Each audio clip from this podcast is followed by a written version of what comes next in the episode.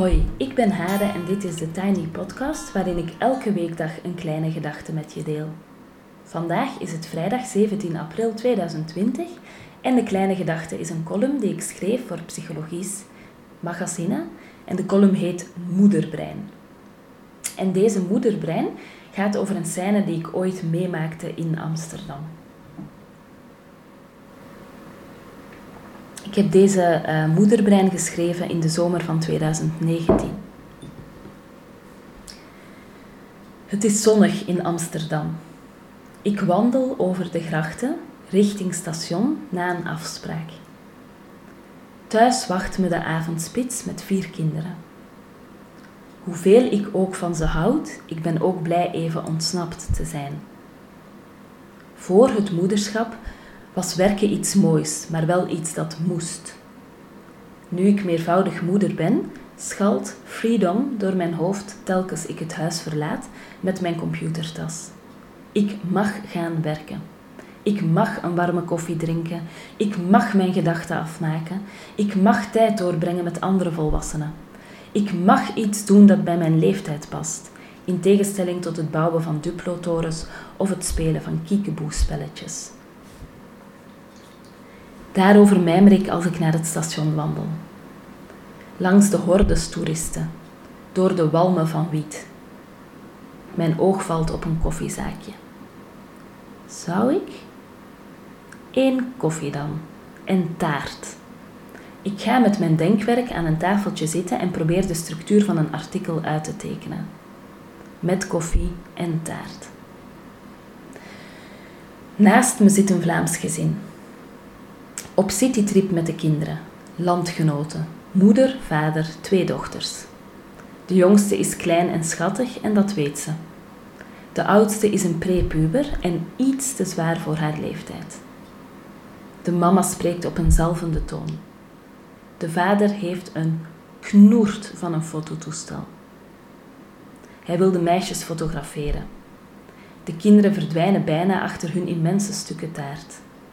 Hij neemt allerlei serieuze fotograafposes aan, waardoor de vrouw die mijn koffie brengt niet door kan. Om maar te zeggen, it's serious business. Meer dan een kiekje.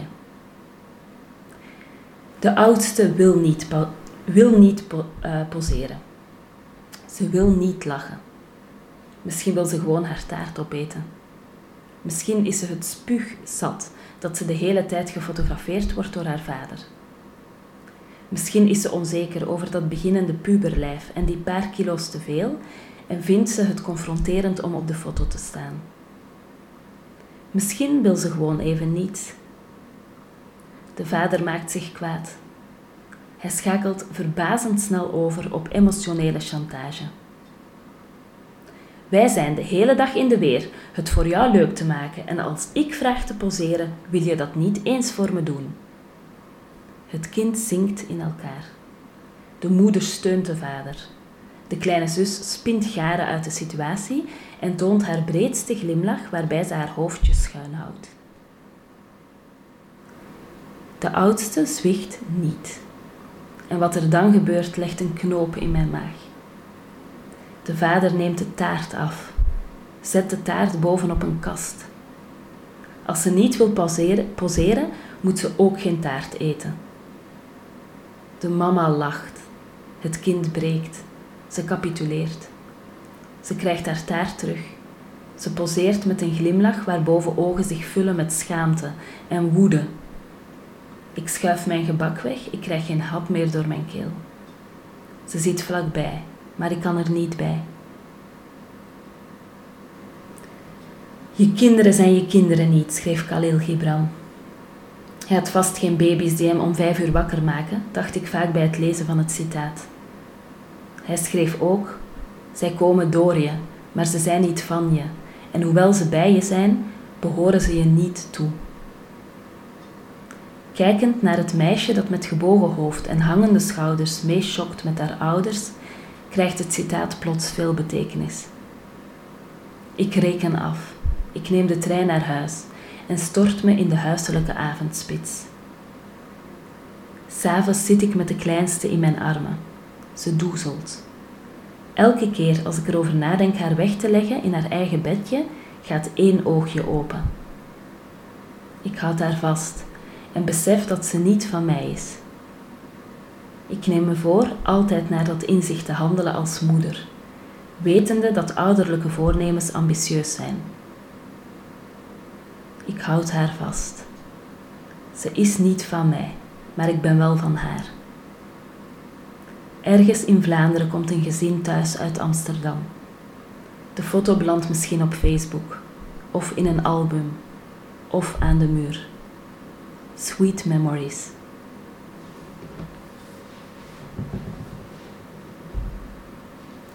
Dit was de laatste Tiny Podcast voor deze week. Nog even vermelden dat het vandaag ook de laatste dag is waarop je mijn online cursus kan kopen in de Plus of XL variant en je dan een papercraft pakket van Shakis toegestuurd krijgt door mij, met een lief kaartje erbij. Alle info in de show notes.